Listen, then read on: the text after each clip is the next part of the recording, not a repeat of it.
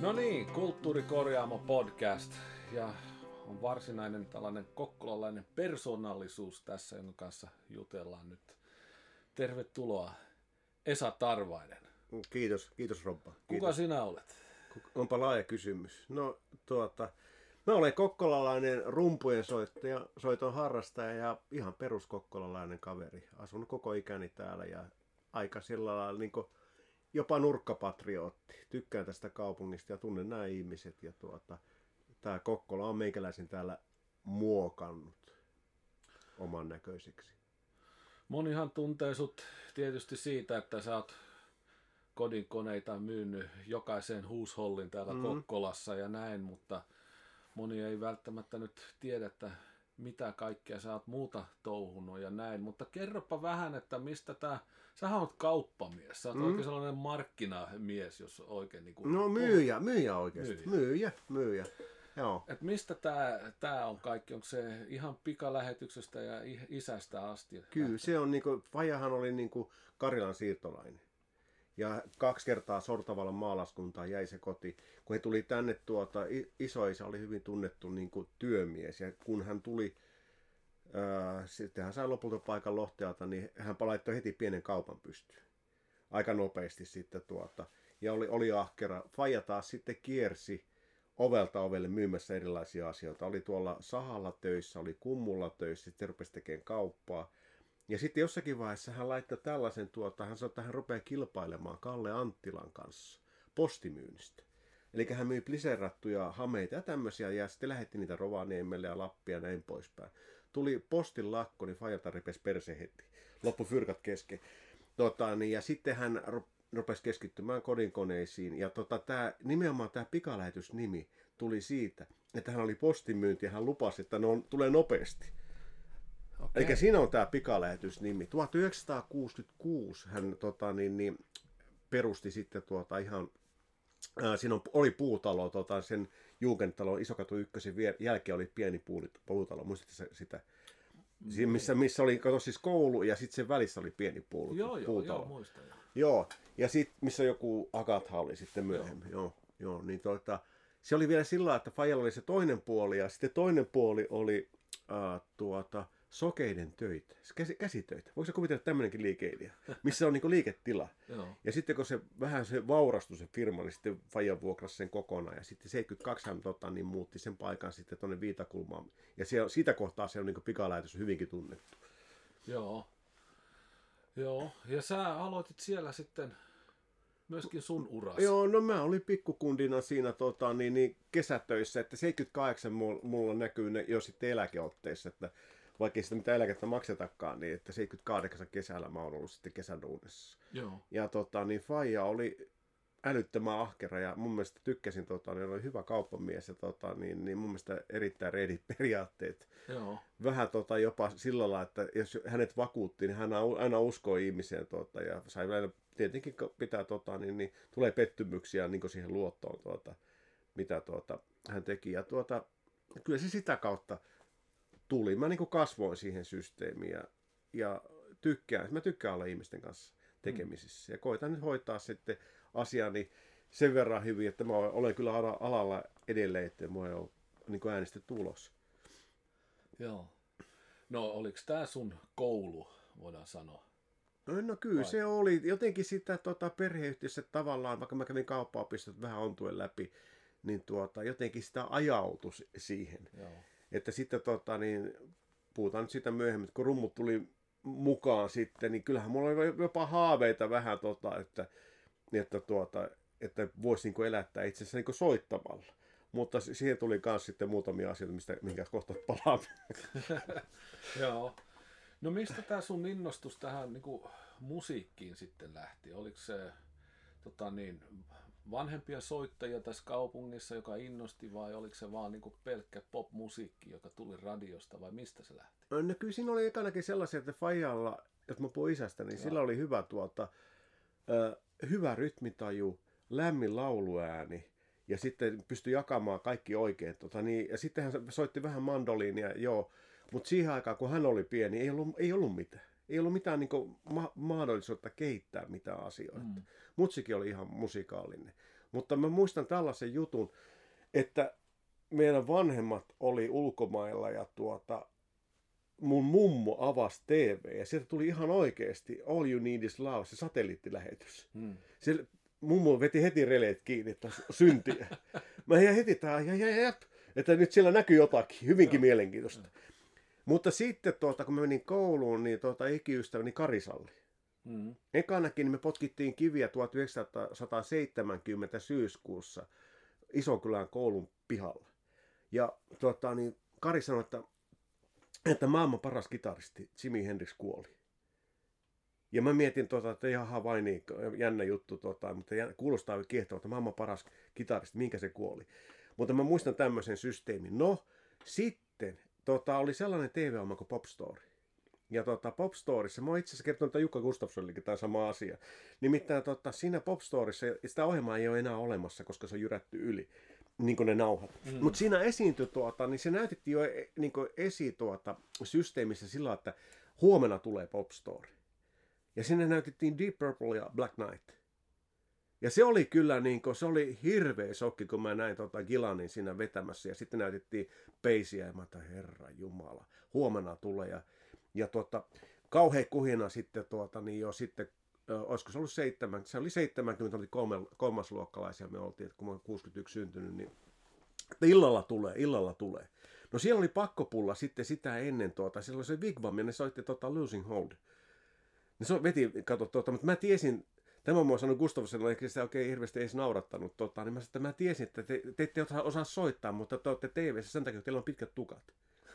Et se, se, oli mulle ihan selvä juttu, koska mä otin sitä purplea. Kun se purple tuli sitten, niin kyllä se oli niin hirveä iso. Mä tavallaan niin käännyin uskoon. niin kuin, tiedätkö, se oli niin voimakas se, se tota, efekti. Ja sitten heti kohta piti saada ne C-mankat ja siinä oli ihan kivikautta. Silloin tuli oikeasti nuorten sävellahja. Ja ne piti äänettää ne Led Zeppelinit ja Purplet sieltä.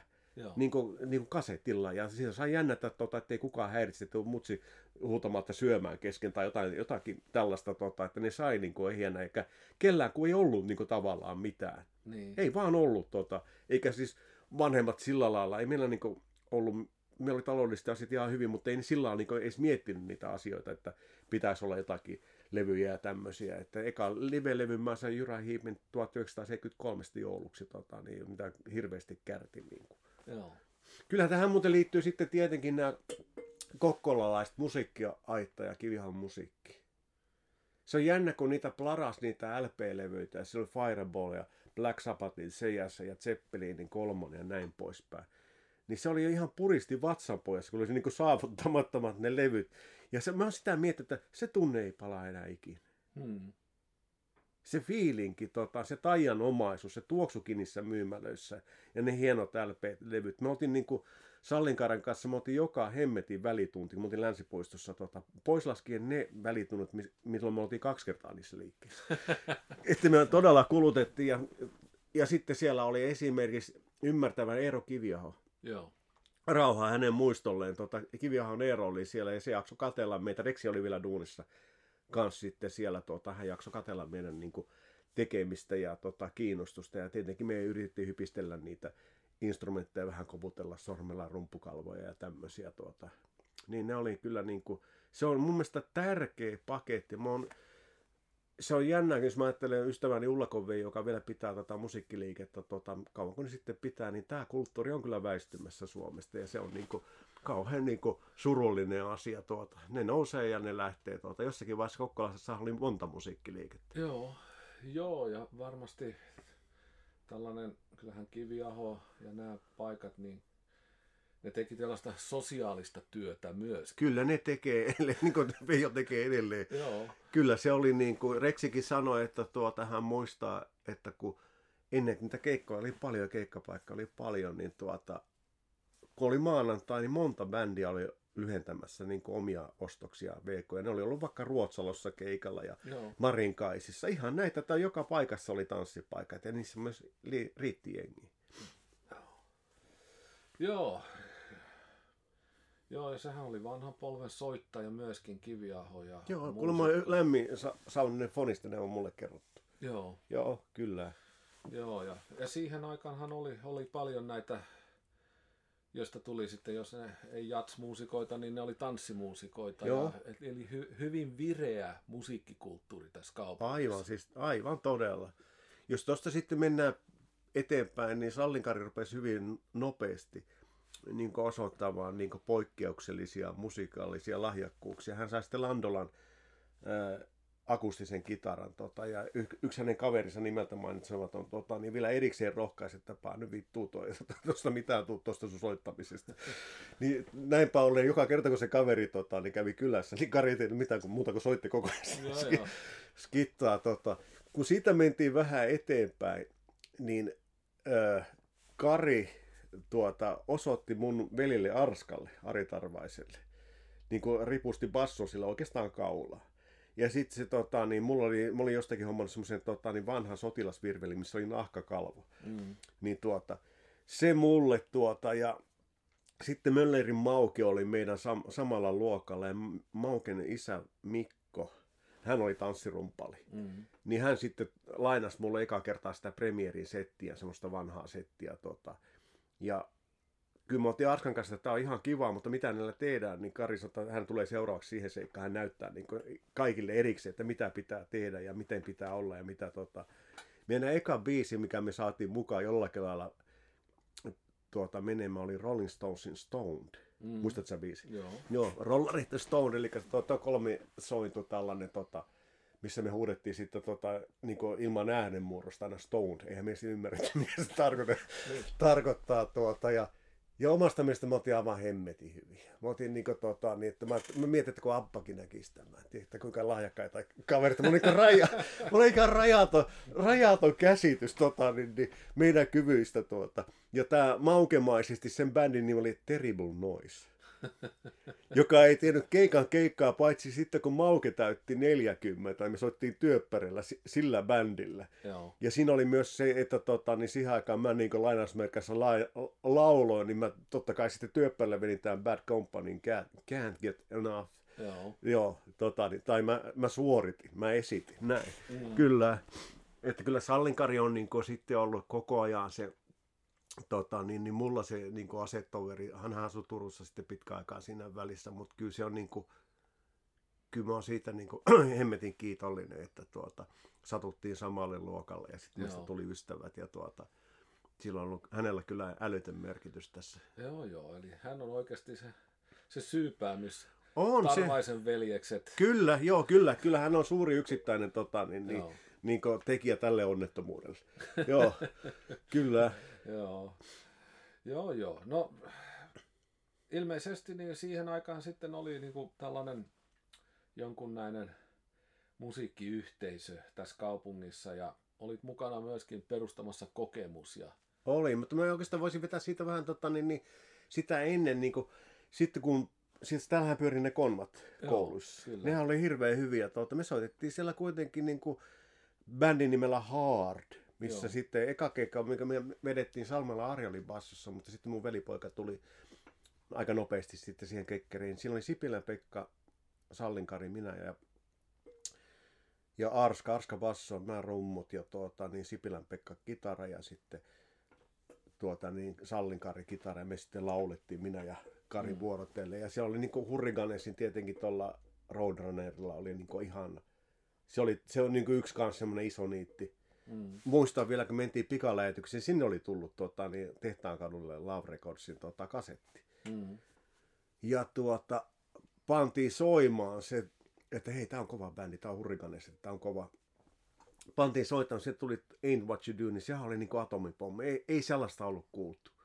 Ei, siinä ei niinku, kaikki muu Su- Suomi-homma oli meille sitten kivikautta siihen rinnastettuna, mikä ei tietenkään pitänyt edes paikkaansa. Jussi Anto Pois teki hemmetin hyvää duunia niin omalla sarallaan, mutta se oli siis se Albertin niin kitaran äänenmuodostus ja koko se systeemi, niin jumat, jumat suka, se oli kyllä.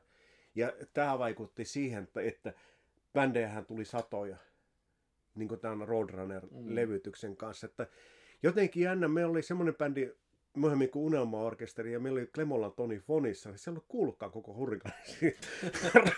mutta miten tämä nyt voi olla näin, että ei tässä edes monta vuotta ole eroa, tota, nyt mennään 80-luvulla, tässä on ehkä 10 vuotta vähän rapia, niin kaveri ei tiedä yhtään mitään koko, koko levystä. Uskomatonta. No nä- näin, siis uskomatonta joo. No sitten tuota, mentiin sitten katsomaan tota, niin Sipilän Pekan kanssa kiviniittyy Solaris. Mm. Ja siinä oli Hautala Harri laulusolistina, Asialan Pete oli bassossa, Ari Saari kitara ja tuota, niin, niin, ää, Laasesen Jari koskettimet ja sitten Oravaisen Aatsi rummut. Ja se oli kyllä, mä oon aina miettinyt sitä, että ei sen tarvitse olla mitä se on, vaan miltä se tuntuu. Niin se on mulle yksi parhaimpia bändejä, mitä mä oon ikinä nähnyt. Missä. Mm. Se miltä se tuntuu.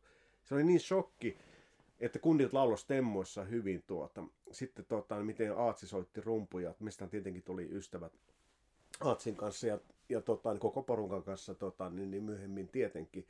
Mutta koko se niin kuin, mä muistan kun ne soitti tota, niin, niin viimeinen oli tota, Vandergraaf Generationin tota, niin, niin semmoinen instrumentaali. Mä voisin muistaa kohta nimenkin, niin mä ajattelin, että ei kyllähän nämä on aivan käsittämättömiä soittajia. Sitten ne soitti Take It Easy, hienolla, stemmat soi hienosti.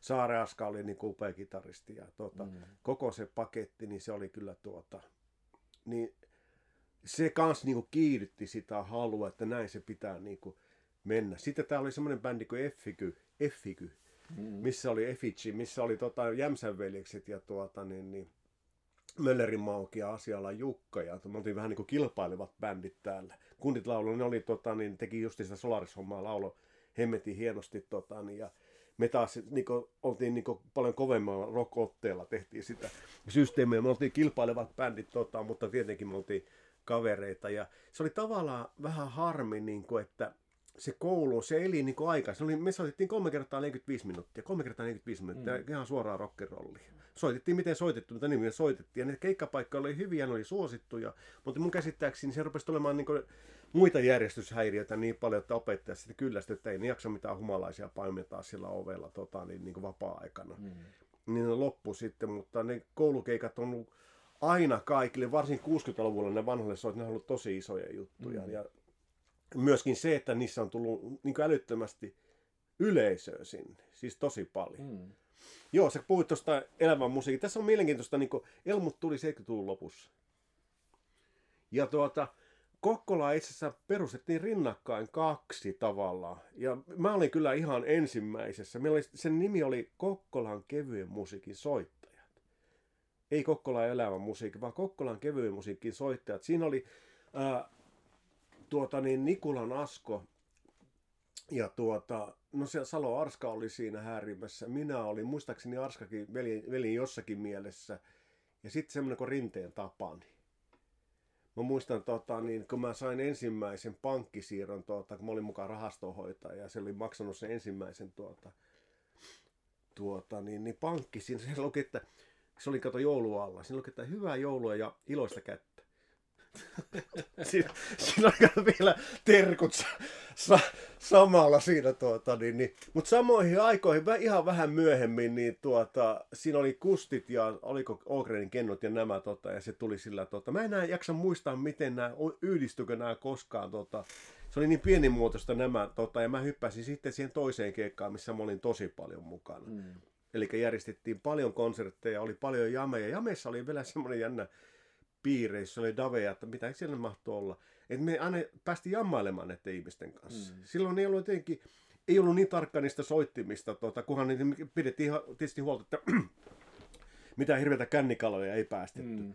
Mutta siinä tuli soitettua hyvin, hyvin moneen ihmisen kanssa, koska meillä oli koko ajan pyöri. Meillä oli Junksilla niitä, siis näitä konsertteja, missä oli ketä vaan, tota, mutta sitten siellä vaaku, lähinnä vaakunan siellä vanhassa kellarissa, mm. siellä me pyöritettiin niitä tuota, ja niitä oli paljon niitä Joo. tapahtui. Niitä oli tosi paljon. Tuota, että mä joskus mietinkin, että kuinka hemmetissä me saatiin tuota, järkättyä, eikä me nyt kyllä aina saatukaan. Tuota, ehkä mä voisin kertoa tähän pienen storin. Tuota, mulla soi puhelin ja tuota, niin Joppe, Eli tuota, niin, niin Joppe soitti tuota Helsingistä Edward Vesalan bändistä. Mm-hmm. Ja tuota, niin, niin, että hei, että kuule, tota, että hei, meillä on keikka siellä, nyt on kyllä vähän epäsievä, että missä se on. Tota, niin, niin. niin mä tajusin, että yksi nimeltä mainitsematon henkilö, jolla ei kyllä ollut yhtään asiat tota, niin hanskassa, niin se oli sopinut keikka. Ja sitten jättänyt vaan kaikki tekemättä. Ja sieltä Sound of Fury oli tota, niin, tulossa junalla. Ju- junalla tuota. Mä sitä tuota, ja se oli vielä jostain puhelinkopista, niin mä sanoin, että joo, että vai niitä, tuuka, joo, tuukaa vaan, että mä tuun asemaan, to, asemalle teitä vastaan. Mm. Ja mä menin Manneri Sirka, että nyt on kyllä ollaan kusessa, tota, että se on bändi tulossa ja meidän yhdistys on niinku sopinut tämmöiseen. Niin sitten tuota, Sirkka sanoi, että otetaan ne tänne. Hän majoittaa ne tänne tota, niin, lagaare. Mm. Että sinne tota, ja mä sitä niin me tehdään ja sitten mä hädissä niitä, me laadin jotkut tuota, niin, niin, julisteet ja sitten silloin pyöri, pyöri vielä Kokkolan radio. Joo. Niin sitten mä menin sinne painoin sinne lähetykseen ja sitten kerroin, tota, että tämmöinen tota, niin, yksi kovimmista jatsi koko Euroopassa tota, niin on tulossa Kokkola yllätyskeikalle. Tota, ja samaan aikaan Jona on tulossa. Joo. No nehän tuli sitten, oliko siinä nyt kahdeksan maksanutta katselijaa, katselijaa tai kuusi, mä en muista, minä ja Airolan Tuomas istuttiin samassa pöydässä, miten se oli, niin, niin, niin sitten tota, niin mä menin sitten ää, pari päivää myöhemmin, tuota, mun suosikkiravintola on Killikin, niin yksi kusipää sanoi tota mulle, että mitä sä oot, Esa, Esa se, mitä sä Esa oot sekoillut se Vesalan kanssa? Siinä oli kyllä lähellä, että jätkä saanut luupalloa. Mitä sä oot se- sekoillut sen Vesalan kanssa? Joo, joo. Joo, saatiin me nyt kuitenkin keikka ja yösiä ruuat ja kaikki tämmöistä, tota, vaikka tota, niin ne fyrkallisesti. Mutta kyllä se, on, se oli niinku semmoista kotitekosta touhua. Tota. Ja sitten kyllä oli tällaista tietenkin, että sitten kun Rocktopsit ja nämä, niin nämä isot ohjelmatoimistot rupesi pyörimään, rupesi tulemaan tällaista, tota, että kun me oltiin vapaaehtoisesta, niin sieltä tuli niin kuin aika ikäviäkin soittoja, että, että on liian pitkä matka, että missä ne apumiehet on. Tota, niin, ja Joo, joo. kaikkea nä, näitä, tota, niin, koska se oli kuitenkin, meillä on yhdistystoiminta ja niin kuin, harrastajamaista. Joo, joo. Niin siinä vähän niin kuin koulutettiin kovalla kädellä tuota, niin, ja, ja mäkin välillä mietin, että kuka tässä on, niin kuin, kuka tässä on ostaja ja kuka tässä on myyjä. Että tuota, niin, niin, ja sitten vähän maalaispoikana en ollut tottunutkaan semmoiseen kielenkäyttöön, mitä sitä välillä tuli tuota. No, Rocktopshan oli tu, Rami tu, Räsän. joo, tunnettu siitä, että sehän, niillä oli aika kova, kova myyntipuhetta ja jos halus tilata jotain, niin se, sanoi, että tilata ei, muutakin. Ei, että, te, mutta että teidän pitää ottaa ensin tämä ja tämä ja Kyllä, joo, siinä aina tuli oheistuotteita tuli niin aika paljon, tämä. niin kuin. Että aina se niin kuin häily tuota. Pääsiäisjamet me sitten Elmun kanssa kehi- kehitettiin sille ja niistä tuli kyllä valtava Joo, iso. Niistä joo. tuli kyllä älyttömän tota, niin, niin, isoja systeemeitä. Tuota. Mutta tämä oli siis 80-luvulla mulla sitten hiipu se, tuota, niin kuin, näinhän ne menee yhdistykset, tuota, että, että sä teet niitä tuota, tunteella se oma aikansa ja sitten tulee Joo. toiset tekemään. Mutta kyllä siellä oli loistavia. Siellä oli niin kuin, siellä oli todella hienoja konsertteja. Mulla jäi esimerkiksi Maaritin konsertti tuolta urheilu, urheilutalolta, se oli 80, niin se jäi kyllä mieleen. Tota, niin siinä oli vielä mun yksi, yksi tota, favorite, Roope Koistinen oli rummuissa, joka sitten myöhemmin si- siirtyi TV, TV-ohjaajaksi. Ja sitten Hurmerina tämä kitarasoundi ja sitten Maaritin siellä kanssa niin parhaimmat siivet saan ja tota, niin, niin, nykyaika ja mitä näitä levyjä oli tuota, niin se mun mielestä kaikista paras ohjelmasta, mitä niillä oli, ja paras bändikin Joo. niin kyllä se jäi, se jäi mieleen kyllä tuota.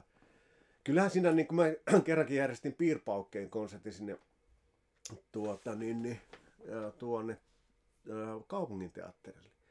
Ja siinä oli tämä Padu, Joo. kitaristi tuota, ja mä olin edelleen aika sillä viireä, niin mä sitten niin kuin en ajatellut, että konsertti pitää alkaa ajallansa.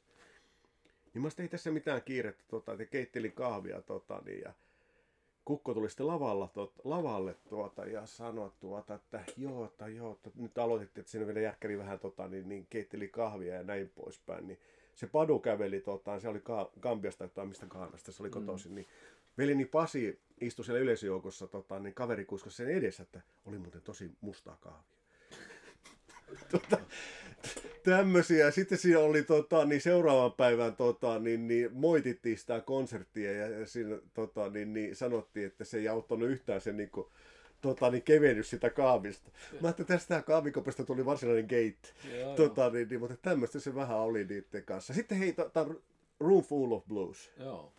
Olit se siellä? Ei, mä olin liian, liian nuori silloin, mutta mä taisin olla tuolla piirpaukikeikalla. Se oli joku 85. Se on ollut jotakin, joo, jotakin sitä kyllä. luokkaa. Sieltä, Se- sitä ennen mä oon juttanut Hasse, Hasse Vallin kanssa sitä edellisestä, se joka oli 70-luvulla, missä oli Vasaman pelissä. Se oli ihan maaginen konsertti. Joo, Sehän on mahtava, niin kuin, Se on hieno konserttipaikka toi Joo, kaupunginteatteri. niin on, se on niin kyllä on, niin kuin salina kyllä paras Joo. täällä tota, niin, niin, kaikki kunnia muillekin saleille, mutta se on niin kuin, siinä on hyvä soundi ja siinä on helppo seurata niitä. Mutta ei, Roomful of Blues mä en käynyt. Mä muistan, että mä näin ne, ne julisteet, kun ne oli.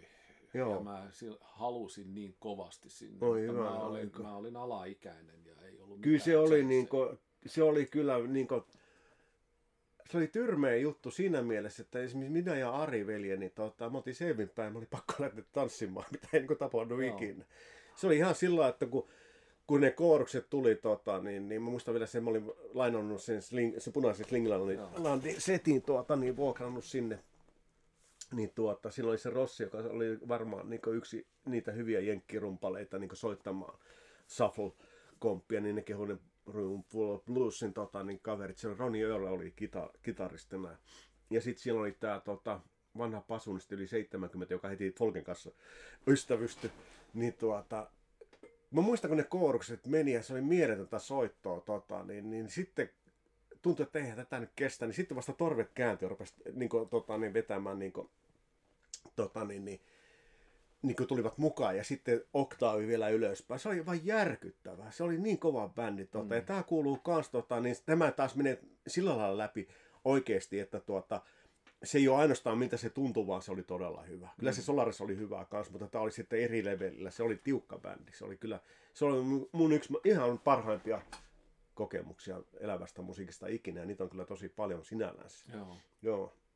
Se on kyllä aika uskomatonta, mitä, mitä kaikkia bändejä ja e- artisteja on aikoinaan käynyt tässä kaupungissa. On, on, Et, on. Siellä on kyllä pitkä rivi kyllä legendaarisia soittajia ja, ja siis kaiken näköistä on sattunut. Sinä sä tiedät näistä sitten ihan paljon, Joo. paljonkin enemmän. Joo. joo, mutta sitten on kuullut näitä tarinoita myöskin, että ilmeisesti tämä Alvin Lee olisi käynyt täällä joskus. No mä, mä itse vähän, sitä on monesti puhuttu, että jos käynyt Kokkolan työväen talolla. Mä niin en ole ihan saletti itse Joo. siitä. Tota, niin, että, Sekoitetaanko se siihen, mä en muista mikä bändi se nyt oli, missä tämä Lemmi Kilmister soitti bassoa ja nehän teki todella laajan kiertueen täällä Suomessa. Niin, se- joo. 60-luvulla. niin, se, oli kuulemma tota, niin, ollut tuota, niin, tämä Lemmy, ää, hetkinen, oliko se, ei sulla tulivuorirokissa, tota, niin rokissa. Joo, Se oli just ollut oksentamassa. joo, Niin se oli nähnyt Remon.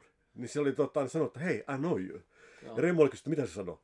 Tota, niin se, se on nähnyt sut. Ja niin se olikin näin, se oli muisti Remon persona jo 60-luvulla. Jaha, joo. joo, ne on ollut samalla.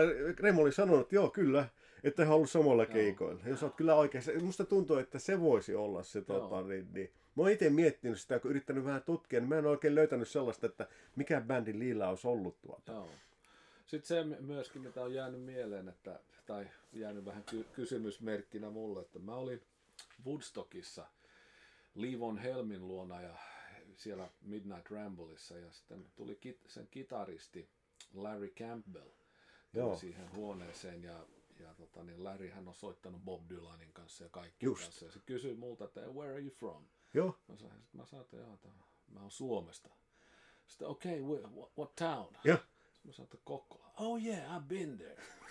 Ja se väitti sitten, että se olisi ollut Sir Douglas Quintetin kanssa, Dog Samin kanssa Kokkolassa. Sanoiko se vuotta? Ei, kun se ei muistanut sitä.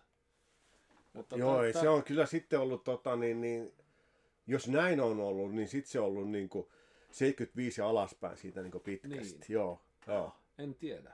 Mutta Joo. Tota, niin, Mut Joo. mielenkiintoista. On se mielenkiintoista. Tuli muuten noista hyvistä keikoista vielä. Mä näin Asialan Ananas, Alvari Toitorvi, Joo. Pikasen Rape ja sitten Sundqvisti, tota, niin, niin, Alajoki ja sitten toi Rautiainen. Ne oli, teki semmoista Lee Cooper kiertuetta. Joo.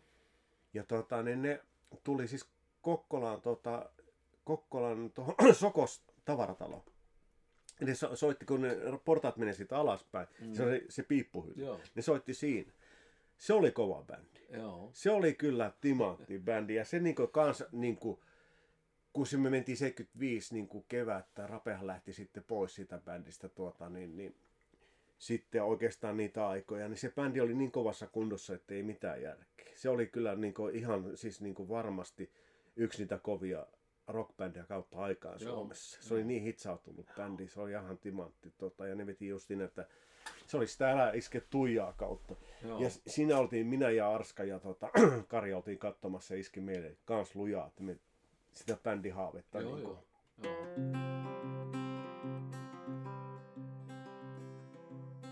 Pakkohan meidän on puhua folkesta. Niin Folkenoista. just. Joo, Joo. ja niin kuin nämä vanhan polven soittajat, niin kuin, milloin sä tutustuit näihin sitten ja ystävystyit? Ja...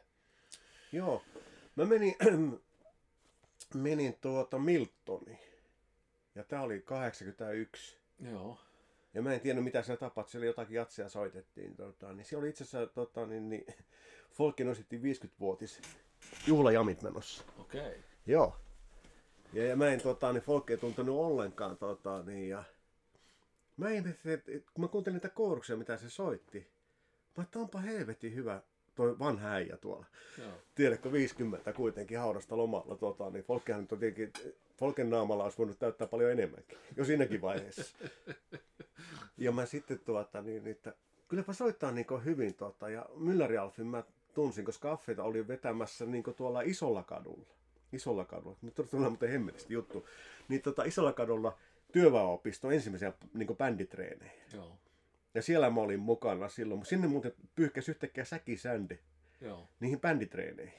Sieltä isolla kadulta tota, oli vähän vauhdissa, tota, aika paljonkin vauhdissa. Hätisti mut ensimmäiseksi pois rumpupallilta.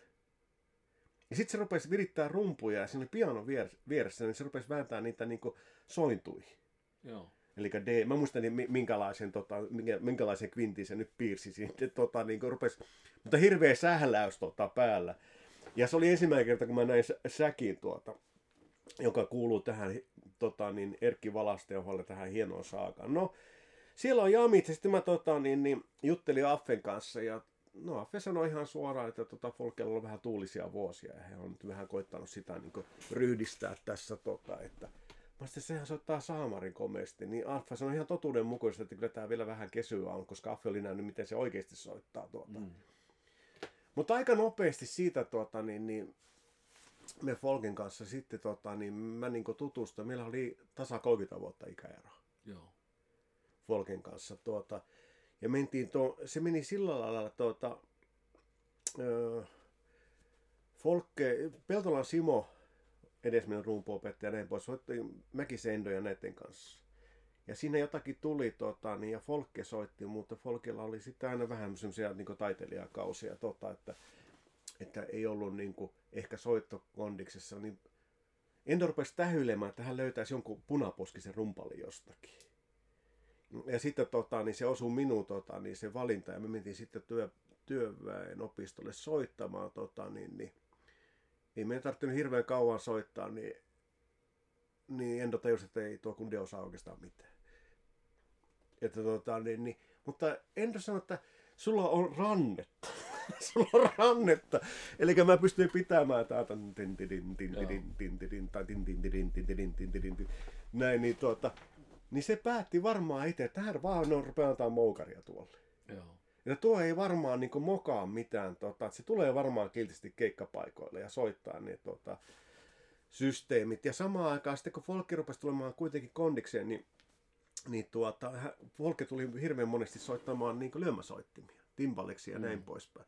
Ja sitten kohta kun Folkki tuli parempaan kondikseen, niin ne sa- perusti tämän Sjöwall Noistet kvartetti, joka oli ihan timantti bändi, aivan timantti. joo, Eli siinä oli Kalvipaka Hannu pianossa ja sitten Aatto Pennalla bassossa ja sitten tota, Medio Sjövallin kennetti. Mm. Ja me soitettiin aika paljon kimpassakin, niin kun tehtiin keikkaa, että me oli molemmat bändit. Tota. Mutta siitä mä niin folkeen sitten, tota, niin, niin, ja yhtäkkiä meistä tuli niin kuin hemmetin hyvät kaverit. Siis niin kuin tosi hyvät. Se meni vielä sillä, että mäkin siinä elelin poikamiehenä, niin Folkke soitti kello yksi. Aina kello yksi yöllä. Ja tuota, siellä tuli tämä Voice of America ohjelma, se soitti jatsia tunti. Ja tota, kuunnettiin, molemmilla oli radio päällä, puhuttiin niistä asioista ja, ja Folkki aina multa arvotti, tiedätkö kuka soittaa, ei mulla ole mitään aavistusta. Mä sitten sanoin, että joo, hetken, että olisiko tämä nyt vaikka tota, niin, niin se ja se tota, niin, niin, tota, niin, joku tyyppi, tota, niin, joka laulaa. Niin Folkki, ei. Silloin vielä tämmöinen kärisevä, ei. Se oli Mel Torme. Ja sitten kato, tämä vahvisti aina, tämä kuuluttaja, se it was a ja se jää se vuosi ja näin pois. Sitten se luetteli niitä soittajia, mitä Folke kanssa tiesi, rumpalit, tota, niin, niin, basistit, tota, Ray Brownit, kaikki, niin sillä oli hyvä niin kuin, sivistys. Jatsmus. Mm. Se oli kuunnellut ihan oikeasti Joo. paljon sitä niin aikansa musa. Folkehan oli swing-rumpali, hyvä swing-rumpali. Ja sen Folken tämä vispilätekniikka oli ihan mielettömän kova. Mutta sitten Folkeen liittyy, niin kuin, siihen liittyy niin paljon tarinoita. Me ollaan niin Riipan Tapanin kanssa monesti puhuttu, että miten onnellisessa saumaa me osuttiin. Että me olin nostettiin Folke, Folke esitteli meidän Huha Martti Innasen, joka oli meidän kaveri myöskin, tota, Endo oli oma lukunsa. Tämmöisiä persooneja ja niitä, mä oon nauttinut niitä tarinoita ihan oikeasti, on satoja. Niitä on ihan, mä oon yrittänyt niitä kirjoittaa ylös, sitten mä oon miettinyt vähän, että mitä mä teen niille vähän roisimmille Kai nekin pitäisi jonnekin mustaan kirjaan tota, niin kirjoittaa, että multa saa tulla kysymään tota, tämmöisistä vitseistä kuin esimerkiksi New Yorkin ennustusautomaatti tai tota, suomalaisen muusikko Espanjan vapaa-päivä. niin mä kerron niin vähän suppeammassa, tota, niin, niin, suppeammassa porukassa sitten tuota, näiden herrojen mielikuvitus, jos mä ajattelen Folke Noistettiakin, kuinka paljon hän sitten niin teki keikkaa ja näin poispäin, niin kun aikaa oli, niin piti, sitä piti täyttää jollakin, niin ne tarinat ja kaikki tällaiset niin kuin, niitä oli niin miellettävä. Sillä ei niin kuin, tota, tuherrettu minkään pädin kanssa eikä tota, niin Appleen sitä, sitä ja tätä, vaan siellä tehtiin koko ajan, mm. niin kuin, oltiin sosiaalisessa tekemisessä. Ja tietenkin kyllähän, no ei Folkke varmaan nuorempana niin paljon alkoholia käyttänyt, mutta tietenkin nämä parhaimmat jutut niin kuin, monesti liittyy näihin viinatoilailuihin. Joo, joo. Kyllä. Mm. Mutta se oli niin kuin monella tapaa mulle kyllä rakas hahmo tuota. Ja sitten me treenaltiin tota, niin, niin kimpassa ja me oltiin ihan eri tuota, aikakauden tuotoksia. Ei folkki pystynyt soittaa biittiä ollenkaan, ei mitään näitä tota, niin, niin, mitään tripletteja tai sitten jotakin Bonham pyörityksiä tai mitään mm. tämän, tämän tyylisiä. Ei silloin aavistustakaan niistä, mutta Vispilössä mun ei tarvitse koskaan edes kuvitella, että mä pääsisin lä- lähellekään sitä tasoa. Ja sitten Folkilla oli hirveän hyvä svengi soitossa. Mm. Se oli svengaava rumpali. Tota, ja se oli vähän samanlainen Matti Nykänen kuin meikäläinen, että koko ajan vähän etokenossa. Joo. menossa, mikä mä ajattelin, että se vähän liittyy luonteen laatuunkin. Joo. No, no mistä tämä tuli tämä, Kokkolastahan on tullut hyviä rumpaleita, tai siihen aikaan, eli niin kuin Valaste ja Säkisän ja Folkke, että mikä oli se, joka teki näistä näin hyviä, mitä ne oli?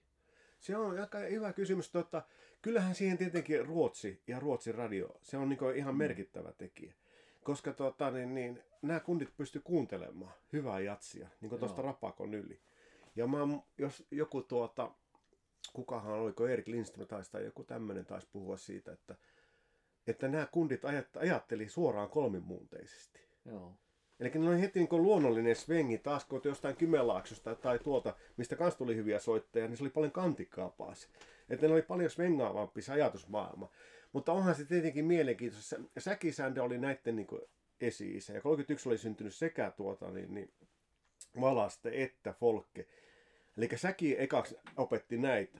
Sitten tuota, niin, niin Valaste rupesi niin kuin, ää, tuota, opetteli nuotit, soitti soittokunnassa ja näin poispäin. Mutta se oli kyllä jo sitten hyvinkin merkillinen. Kyllähän aina, ainahan siinä kova duuni on takana. Mm. Mutta Valaste oli poikkeava tapaus ja hän meni sitten 40-50-luvun lopussa muutti tuonne tuota Helsinkiin. Mä muistan, kun mä Lindströmiä haastattelin, tota, niin, että se oli heillä kyllä koesoitos, mutta hei, niin outoa kaveria uskaltanut ottaa. Ne otti sitten tota, niin tuon Herbert Katsin velipojan, koska se oli tuttu kaveri, he pystyvät tota, niin pitämään paremmin nuhteessa sitä. Mm. Että näin poispäin. Mutta heti kohta sen perään, niin 53 on, vala, Valaste oli tota, niin, levyttämässä Olavi Virran kanssa. Ja sen äänestä tuli käytettyyn studiorumpali sitten koko mm. 50-luvun ja, ja sitten tietenkin 60- ja 70-luvulla Kelvillä teki niitä tuota. Ja Lindström ja sitten joku Ilpo Kalli ja nämä sanoivat, että 50-luvulla niin se valasti oli sellainen, että kukaan ei tullut lähellekään sitä. Big Band rumpali ja näin pois. Mä sanoin, että se oli täysin oma lukuus. Ihan, ihan niin kuin aivan ylivoimainen ja yleensä muusikoiden mielestä ensimmäinen kansainvälinen rumpali. Joo. Suomessa. Ja Stan Folkehan aina itki sitä, että jos hän jotakin kehitti hirveästi. ja treenasi, no, jos, jos hän ede, erehtyi se ekille näyttämään, niin se soitti se heti niin sata kertaa paremmin välittömästi. että se oli kauhean turho, turhauttavaa, että se kundi niin oikeasti lensi ihan omalla planeetalla. Joo, kyllä se on mahtava tarina tämä myöskin, kun Paavo Einiö ja Antti Einiö järjesti Duke Ellingtonin mm. konsertin. Kyllä. Finlandia-talolle ja Ää, kulttuuri, kulttuuritalo. Kulttuuri, joo, joo. rumpali oli niin huonossa kunnossa, että ei pystynyt soittamaan. Sam Moodyard, joo. Antti meni yleisön, kattoi siellä ja löi, näki Erkki Valasteen siellä, sieltä ja sanoi, että tuu, tuu soittamaan. Joo, siitä on hirveästi huvikseni kerännyt kaikki ne versiot siitä. Joo. Siinä ne esimerkiksi tota, niin, tää, tota, niin, niin, mä kohta muistan sen musiikkitoimittaja, senkin mä tota, niin, niin, haastattelin.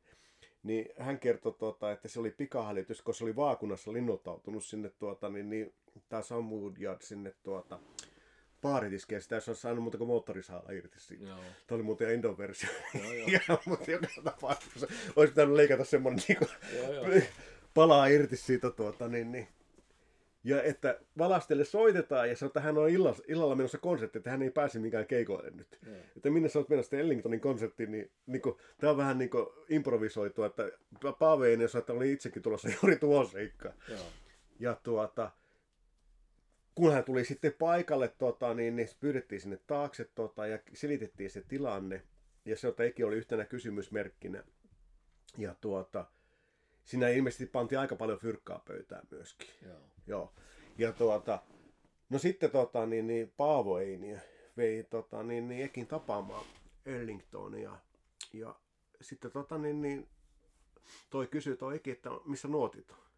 Se että niitä ei ole olemassa. Että seuraa vaan mitä me tehdään. Joo. Ja tämä onkin mielenkiintoista, nimittäin Ylehän äänitti tämän keikan. Ja tota, kun hetki, oli se 2013, tuli 50 vuotta siitä keikasta, niin Yle otti täältä niin paikallistoimittu muun niin yhteyttä näistä asian tiimoilta. Mä teillä on se nauha. Että otetaan sen mukaan siihen ohjelmaan. Ja sitten ne haki sen. Ne ei löytänyt sitä. Joo. Mä ei meillä mitään kiirettä että se ei varmasti ajettu yle, että on se jossakin. Tehdään se ohjelma, kun se nauha löytyy, niin se löytyy. Ja kun mä kuuntelin, siinä on semmoinen biisi kuin Open Air oli se biisi. Mä ajattelin, että on lähtenyt sitten ja, niin kuin vähän koittaaksi sitä rumpalle jostakin kevyesti jostakin C-duurista. Tin, tin, tin, tin, tätä, niin kuin tällä lailla. Ei paskat. Se oli uptemponen biisi heti. Se, se oli niin kuin ta, ta, ta, ta, ta, tämmöisellä niin kuin vauhdilla. Ja tuota, siellä on tota, niin kahden tahdin rumpubreikki valasteelle. Ja se soittaa sen. Sitten mennään kohti tota, niin sen biisin loppua eihän Eki tiedä mitä se tulee, niin se tulee niin kuin aksentti puhaltimilta. Se menettää yhden aksentin. Joo. Yhden aksentin, se soittaa loput. Se kuulee, että sieltä tulee aksentti ja sitten soittaa loput. Joo, mahtavaa. Aivan, käsi, aivan käsittämätöntä. Ja sitten siinä oli vielä sellainen virhe tullut, tota, että siellä oli rumpulava tehty. Ja tota, se oli, sieltä oli saatu tuota Jenkeistä Raideri. Ja siinä oli tulkittu, tota, niin, että ne on tuumia, ne oli pannut senttikokoon. Joo. Niin kato, ne luulet, että ne on tuumia, se oli helvetin korkealla se ekin, tota, niin rumpu, se lava. Joo. Niin mä oon miettinyt sitä tilannetta, että kuinka paljon se piti nipistellä itse. Se on liian korkealla aikanakin. Joo. Ja kun se kattelee niitä, tota, niin, niin soittaa, se on kaikki maailmankuva. Tuossa istuu Duke Ellington ja tuolla on näköjään kulttuuritalo täynnä väkeä. Joo. Ja hän on liian korkealla, että milloin hän herää tästä. Joo. Seppo Lemposella se oli sanonut, että, että hän mietti sitä asiaa, että – että vispilä pitää löytyä, niin hän niin varmuuden vuoksi istui niiden päälle. Että hän ne varmasti löytää. Ja sitten Ellington, että ei nyt vispilät, niin hän ei yhtään muista, missä ne oli, vaikka hän istui niiden päälle. Että kyllä siinä oli, niin kuin, ja se oli onnellinen, kun se oli 63 tämä juttu, niin Veki oli ihan parhaimmilla. Joo. Se oli niin, kuin, niin, kuin niin timantti kolla pystyy tuota. Ja hän soitti puoleen väliin sen keikan. Sam mm. Woodyard oli samaan aikaan sitten, mä en tiedä millä, millä humalainen nyt sitten toinutetaan niin se soitti puoleen väliin sen ja sitten tota, puolen välin jälkeen tota, tuli Woodyardiin niin päätaapuistelle ja sitten veti show piikki. Sen oli kaksi konserttia peräkkäin, tämä oli se ensimmäinen. Ja sitten se, varsinkin jälkimmäinen menikin sitten jo ilman kommelluksia, että kun mä valastikin sai istua siellä tota, ja nauttia sitä keikasta. Mutta Ilpo Kallio kertoi, tota, että hän meni, siis toinen legenda, le, legendaarinen rumpali Suomessa, kertoi mulle näin, että tota, hän meni sinne tuota, välialla, kun hän tunsi ne kulttuuritalon poket, koska ne levytti siellä koko ajan, kaikki tuttuja. Että hän löysi sieltä ää, kulttuuritalojen verhosta, niin kuin lainausmerkissä, euforisen ja järkyttäneen valasteen. Se oli kauhean se tunnekuohu. Ja sitten tuota, niin, niin, samalla hän myös näki, kuinka Duke Ellingtonin, Ellingtonin tota, palvelija silitti, silitti silitysraudalla Duke Ellingtonin perukkia. Mä tässä tuli niinku arvokas niinku tota, niin detaili tähän suomalaisen jats-saagaan. Joo, joo. Ja kaikki sanoi, että ei kukaan muu niitä olisi voinut soittaa, tota, niin kukaan, kellään muulla olisi ollut maa. Se oli ainut mahdollisuus, joka kortti käytettiin. Tota, ja siitä tuli, niin kuin, siitä tuli suomalaista jatsia historiaa siitä. Joo, täällähän kävi paljon noita. Tarinahan kertoo myöskin sen, että jollakin Säkisändin keikalla Helsingissä niin tuli yhtäkkiä tauon aikana tuli sitten pyyntö, että voisiko Saki liittyä seuraan. Joo, kyllä. Että siinä oli pö- pöytäseurueessa oli sitten Ella Fitzgerald ja Louis Armstrong. E, ja, ja, joo, tai se, ainakin Ella oli, tota, niin olikohan kuitenkin Gene Krupa. Joo, sekin. Tai, joo, taisi joo. olla. Mä en muista, oliko tota, niin, niin Satsmo tota, siinä.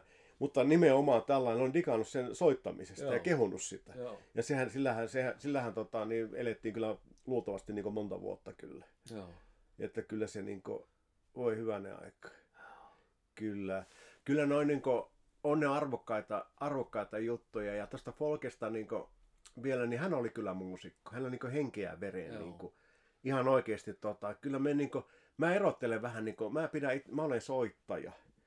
Tota, niin, mutta muusikko on vielä tota, niin eri asia. Folkelta taas on muusikkoudesta puuttu tota, niin, niin, nuotiluku, sujuva mm. nuotiluku, tai että se puuttu, tota, niin hän olisi muuta voinut soittaa studiossa, tota, mutta se, se niin oli se niin puuttuva, mutta hänen todella hyvät korvat. Ja, niin kuin, tota, ja sitten soittanut siis aivan mielettömästi, niin kuin ennen vanha oli niitä keikkoja. Folken historiassa sen verran, että hän muutti sitten Helsinkiin ja hän soitti semmoisessa kuin Olli Hämeen orkesterissa ja se oli paras orkesteri Suomessa. Joo. Eli ne oli parhaimmat paikat ja sitten parhaimmat solistit, että siellä oli kaikki karulat, kaikki nämä lailla kinnuset, kaikki oli niin kuin, että se oli niin kuin mieletön elämän koulu tuota. Folkkehan mulle sanoikin tota, niistä, kun oli kalastajatorppaa ja näitä, tota, että joo me syötiin alakarttilistalta. Mulla oli viisi leukaa. Esimerkiksi tämmöinen juttu, tota, niin, niin, että kyllä Folkke tunsi ne niin aikansa tekijät kaikki. Niin kuin, ja, mm. ja Folkke meni, ekaksenhan Olli Hämeen bändi soitti Valaste, sitten tuli Ilpo Kallio, Ilpo perään tuli sitten tuota, niin, niin, Folkke. Ja, sit, ja sitten soitti vielä, tota, kun se hajosi sen bändi, niin sitten hän soitti siinä tota, niin, niin, öö, hetkinen, kun mä kohta muistan sen puhaltajan. Se, hänetkin mä haastattelin joskus aikoinaan, tuota, niin sanottiin, että joo, Folkke soitti hänen bändissään monta vuotta, kun se oli Hämeen bändi. Että ekaksi kun tuli stadion oli vähän ujoa, mutta kyllä se ujoa sillä lailla karisi, mutta tota, ja oli erinomainen rumpali. Eihän hän olisi muuten tota, niin, niin, pitänytkään. Tota, niin, niin. Unto Haapaa, joo. joo. Unto Haapaa oli tämä niin kuin, yksi Suomen levyttäneimmistä muusikoista ja, tuota, ö, ja tunnettu sovittaja. Teki paljon ihmisiä lailla kinnusen sovituksia tämmöisiä. Eikö Folke tehnyt uraa myöskin jossain Hampurissa tai Joo, se on, vähän, se on vähän mystinen juttu, Joo. että minkälaista uraa se niin. niin kuin, teki, niin en mä oikein päässyt siitä sel- se selville. Siitä, ei puhunut siitä. No se, mä en tiedä, tota, että se oli niin kuin, välillä se puhuja, välillä, ja sitten tota, niin kuin, jos, jos nyt ajatellaan, että voi olla tämmöinenkin tila, tota, ehkä vähän niin kuin alkoholiakin, tota, niin, niin mä omasta mielestäni koitan pysyä totuudessa ja kertoa uudestaan tota, niin tarinat aina samalla lailla, että ei mulla olisi hirveästi muistelemista, että mitä tuli niin. viimeksi kerrottua. Joo, joo.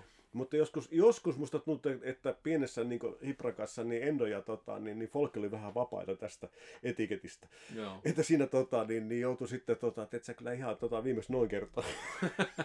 se ihan noin, noin mennyt. Tota, että se on mulle jäänyt vähän niin hämäräksi se tuota, ja sitten toinen juttu on mulle jäänyt, mun, mun mielestä folkia on koitettu studiossa ja, tota, niin, niin, ja se ei ole oikein onnistunut se. Mm. Ja joskus rivien välistä, tota, johtuen siitä, tota, että se ei pysty lukemaan sitä arria. Joo. Että siinä ei ollut niinku aikaa. Tuota, niin, niin, niin musta tuntuu, että joskus aina välillä rivien välissä folkki puhuu mulle siitä. että se oli aika traumaattinen, koska hän oli, tota, siinä ei kysytty tota, niin karavan rumpusooloa, vaan siinä kysyttiin tiukkaa soittoa taimissa ja jokainen tota, isku pitää tulla oikein. Ja tota, niin semmoista, lappulukua. Folke olisi kyllä soittanut se, jos olisi ollut aikaa tota, niin opetella se UK sen, mutta ei muilla muusikoilla ole aikaa. Ne soittaa Ei. se ja ne siirtyy seuraavaan aiheeseen. Onko paljon äänityksiä olemassa, missä folkki on mukana sitten? No siellä on oikeastaan, niin kuin, mun mielestä ne parhaat on tota, niin, niin, Noistet Sövalle, Joo. niitä radionauhoituksia, niin mun mielestä ne on niin kuin, niitä parhaita. Ja siinä niin kuin, hyvin helposti niin kuin, kuulee sen niin kuin, tavallaan niin kuin sen menneisyyden, koska hän soittaa siinäkin hyvin. Joo, joo.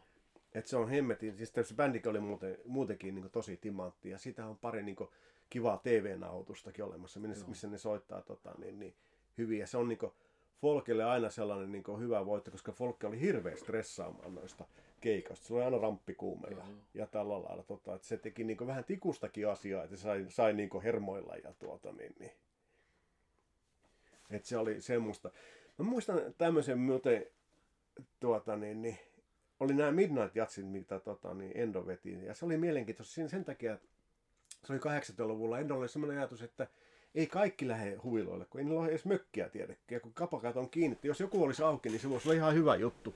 Ja muutama vuosi, vuosi niitä sitten vedettiin ja meillä oli kyllä tosi mielettömiä vieraita täällä. Koska ei niilläkään ollut vanhoilla jatsareilla ollut keikkaa juonnuksena. Mm. Niin ne oli mun mielestä aika mahtavia kekkereitä. Meillä soi useassa paikassa ja soi, saattoi soida myöskin laivassa, koska laivaliikenne siihen, siihen aikaan kulki taas niin tilapäisesti Kokkolasta Sellefteoon ja sitten menikö se Uumeen ja Pietarsaareen, mutta musta Sellefteoon se taisi mennä. Joo, niin tuota, niin oli tällainen, tota, missä me oltiin soitettu torstai, perjantai, lauantai ja sunnuntai ja Folkki oli kauheasti ollut hääräämässä siinä tota, systeemissä.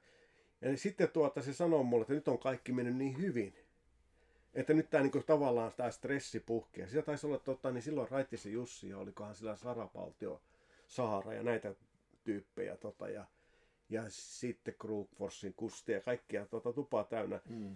soittaja. Se oli se pikkukanttarellis. Sä muistat sen juna tota, asemaa vastapäätä. Niin Folkella oli hyvä keikka ja se soitti elämänsä keikka. Mä en ikinä kuullut sen, sitä ennen eikä sen jälkeen so, soittavan tota, niin sillä lailla, kun se soitti sen keikka.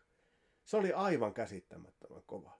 Ja joskus myöhemmin, kun mä oon ollut Storyvillessä, kun siellä on ihan hyviä tota, niin, niin, jatsbändejä, niin mä oon jäänyt kaipaamaan sitä elämää. Mä jos tuossa hyvässä bändissä soittaisi Folke Noistet nyt rumpuja, niin täällä olisi jengi pöytien päällä huutamassa. Mm. Et se oli niin mukaansa tempaavaa se Folken. Ja se oli jännä paradoksi, kun näytti, että se on niin vähän köpykkä. Ja sitten mitä sieltä syntyi kuitenkin. Toi tota niin, niin ää, Honkalan Paavi, joka soitti tota, lyttypöissäkin trumpettia, niin kertoi tota, silloin, kun oli sen Kaamospoissin kanssa siellä Kanadassa, niin oli tällainen tota, ystävyyskaupunki vierailu. Niin tuota, siellä oli sitten, ne meni jatsklubiin. Ja jotenkin ne sai sitten yllätettyä sen Folken sinne lavalle. Niin se tota, niin, niin, Paavo sanoi, että perhana, että se lähti, tota, että varmaan se oli ramppikummu. Se oli ihan Sweet Georgia Brown. Ja kun hän kuuli, kun se lähti tss, tss, tss, tss, niin kuin haitsu introlla, heti tajus, tota, että se lähti liian nopeasti. Että nyt ei onnistu. Tota, ja hyvät soittajat kuuli heti, tota, että bändi on kyllä mukana. Kyllä muuten onnistu. Folkilla on niin semmoinen drive päällä tota, tuota, siinä soitossa, että tuota, niin, niin, kun sille tuli rumpukoorukset, niin silloin jengi nousi seisomaan, ne huusi siellä. Ja tota, niin, kun se oli ohi se, tota, niin, niin, kaik, niin muija tuli pitkään rivi halaamaan sitä. Mm. Folkilla pääsi itkuun. Se oli, niin kuin, se oli Kanadassa, se oli Jenkessä, se oli Kanadassa. Mutta se oli viimeinkin päässyt niin kuin, ison rapakon taakse. Joo. Ja soittamaan hyviä jats, jenkkijatsareita tai kanadalaisten kanssa oikeata jatsia siellä klubissa. Joo. Ja, ja onneksi se Honkalan Paavo mulle sen kertoi, kun se oli aikalaistodistana paikalla siellä. Joo. Et siellä se oli niinku oikeasti omiensa parissa se folkki. Joo. Joo. マスターバ。